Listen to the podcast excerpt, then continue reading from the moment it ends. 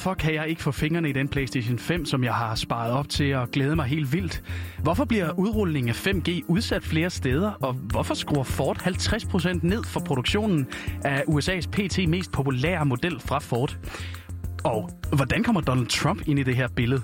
Det forsøger vi at blive klogere på i dagens indsigt. Jeg er din vært, Tejs Eriksen. Velkommen til.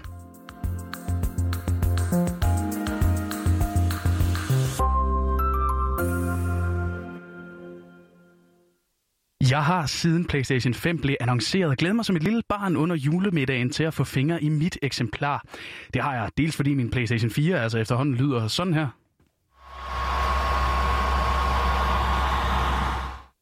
Ja, og altså udover at min Playstation så tror den er et fly, der skal lette, så vil jeg altså også gerne bare have en ny, fordi jeg er en fanboy, og det er jo også ret first world problem-agtigt. Men som min rivaliserende fanboys, der så vil have en Xbox Series X, ja, så har jeg altså måttet sidde i online køer og skrive mig op til nyhedsbreve i håbet om at få chancen for at få en af de få konsoller, der så drypvist finder vej til Danmark. Og øh, grunden til, at det går så langsomt, det er altså fordi verden den mangler mikrochips. Og til at gøre os klogere på det, der har vi talt med Jan Madsen, der er professor i computerbaserede systemer på DTU og vicedirektør for DTU Compute. Ja, så mikrochips, det er jo, skal vi sige, øh, intelligensen i alle, i stort set alle vores ting, og, øh, som vi ser. Øh, vi, øh, alt, hvad der kan kobles på nettet og udveksle data med os eller med, med andre ting.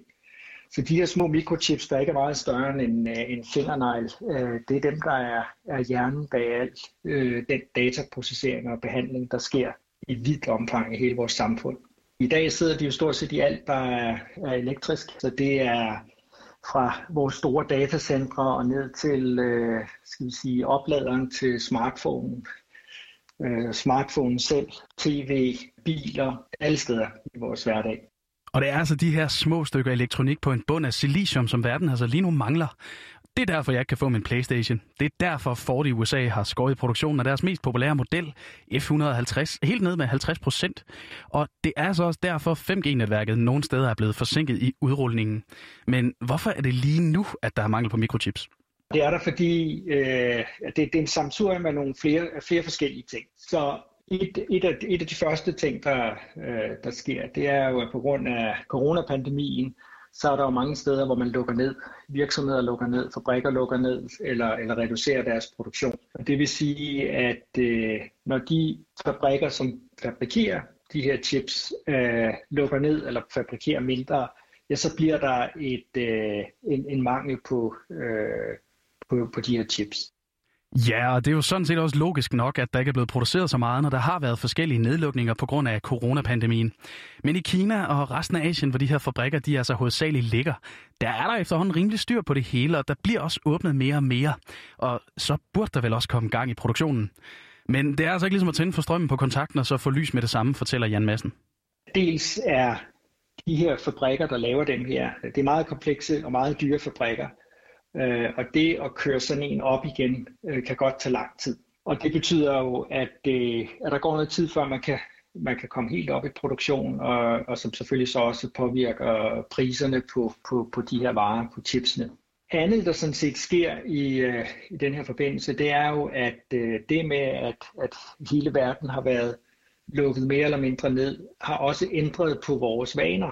Og det har også flyttet, hvor efterspørgselen er på dem. Så det om, at vi nu pludselig alle sammen skal til at arbejde hjemmefra, gør, at vi skal have styrket vores internetforbindelse, vi skal måske opgradere vores computer, vi skal have noget ekstra skærme til at kunne arbejde på, og der er flere hjemme, der skal ind, og vi skal købe noget mere. Så, så der bliver en, en større efterspørgsel end, end, øh, end normalt på, øh, på, de, på de her varer. Og så kommer der altså også ind i billedet, at de fleste store producenter, der leverer til TV'er, smartphones, computere og også potentielt min kommende spilkonsol, de ligger i Asien. Og så har nogle af de store spillere, blandt andet producenter af smartphones, altså også været ude og købe op og så lavet lære af de her vigtige små chips. Og når vi så ellers efterhånden er nået til anden del af, hvorfor vi mangler chips, så husker du måske nok, at den tidligere amerikanske præsident Donald Trump, han engagerede sig i en handelskrig med Kina. Og den spiller altså også ind. Og så stopper problemerne for chipproduktionen altså heller ikke her. For der er også fabrikker uden for Kina, blandt andet i Taiwan, men her der er det altså så klimaet, der står i vejen. En af de, øh, de helt store, TSMC, som, øh, som fabrikerer de her mikrochips, som ligger i Taiwan, har måttet lukke ned igen på produktionen øh, på grund af tørke, langvarig tørke, øh, som har gjort, at, at Taiwan har lagt restriktioner på, øh, på vand, og det er en af de ting, man bruger i, i, øh, i produktionen. Der er også en af de store fabrikker i Japan, som øh, har haft øh, brand på en af, en af deres øh, fabrikker, som også har bidraget til festen, om man vil. Så det er altså en perfekt storm af uheldigheder, der har skabt den her globale mangel. Men altså for dig og mig og de fleste andre her på forbrugerniveauet, ja, så betyder det her jo altså bare mere ventetid på vores elektroniske dimser. Et godt gammeldags first world problem. Og er sådan et first world problem så overhovedet problem? Og er chipmanglen så overhovedet problem? Altså til en start, så mener den amerikanske præsident Joe Biden, at chipmanglen er et stort problem. For hvordan kan landet på den ene side sanktionere mod lande som Kina, hvis deres egen virksomheder altså er afhængige af de teknologiske komponenter, som lige nu bliver produceret i blandt andet Kina. Så øh, derfor så har Joe Biden altså for en uge siden holdt et møde om den her mangel på mikrochips, og hvordan USA så skal forholde sig til det. Og det er altså også i den forbindelse, der har floreret et billede af Joe Biden, hvor han sidder og vifter med en af de her siliciumskiver, som mikrochips bliver fremstillet af. Og den her siliciumskive, den ligner altså til forveksling en CD med det karakteristiske spiller regnbuefarver for lyset. Og mens han holder den op foran tilhørende, så fortæller han, hvordan den simple siliciumskive den er afgørende fra USA's infrastruktur. Chips like the one I have here, these chips, these wafers, are batteries, broadband, it's all infrastructure. This is infrastructure. So look, we need to build the infrastructure of today, not repair the one of yesterday. Og når jeg så lytter til præsidenten i det her klip, ja, så minder det mig altså lidt om den der reaktion, man godt kan få, når man får en ny og måske ret utrolig viden for en selv. Det her, det er altså infrastruktur, bliver Joe Biden ved med at sige. Og det er altså ret utroligt, at de her små bitte chips, de danner fundamentet for vores byer. Og for bussen.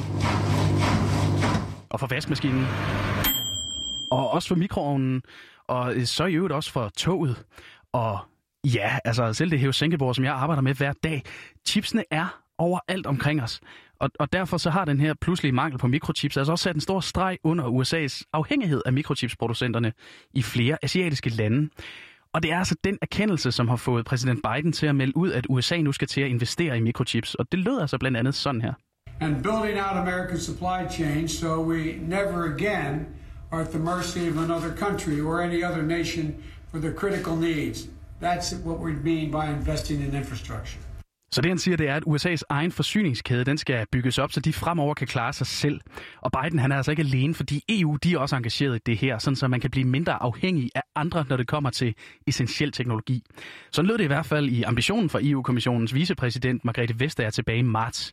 Men hvad er så egentlig status på produktionen? Sidste år der stod EU for 10% af den globale produktion af chips, men det er altså ikke nok. For i december der meddelte 13 EU-lande med Tyskland og Frankrig i spidsen, at de 13 lande de så har sat sig i spidsen for et initiativ, der altså skal ende med en betydende europæisk chipproduktion. Og tilbage i marts, der blev EU så enige om, at de vil altså fordoble produktionen af chips frem mod 2030, sådan så man kommer til at stå for 20 procent af det globale chipmarked. Det er dog ikke ligefrem nogen billig ambition, fordi fremstillingen den er dyr, og derfor så tager man altså også del i en pulje på 145 millioner euro, som EU har afsat til digitale projekter som led i coronagenopbygningspakken. Men med en udsigt på ni år, før man er tættere på at være afhængig, hvor står vi så nu? Og hvad er udsigten til mere 5G, flere biler og mere elektronik til dig og mig? Så det er altså ikke billigt, og der findes ikke nogen hurtig løsning. Og chipproduktion, det kan altså ikke bare gøre større med det samme. Det kan godt tage flere år at udvide, simpelthen fordi udstyret det er dyrt og kompliceret. Men selvfølgelig, siger Jan Madsen, bliver det her problem løst, og det gør det altså, fordi det er i alles interesse, at det bliver det. Tidshorisonten for det, den er dog lidt mere usikker når helt den, det første led i kæden, som er tipfabrikken, først skal op og køre, før den kan have noget, så kan de næste komme på osv. Så, videre. så det er jo sådan en lang ripple-effekt, før man er, man er fuldstændig op. Det kan godt tage lang tid. Altså, der er nogen, der spår om, at vi snakker måske om øh, år snarere end om, om måneder. Og med det så nåede vi mål med dagens indsigt om, hvorfor vi mangler mikrochips. Mit navn det er Thijs Eriksen, og jeg siger tak, fordi du lyttede med.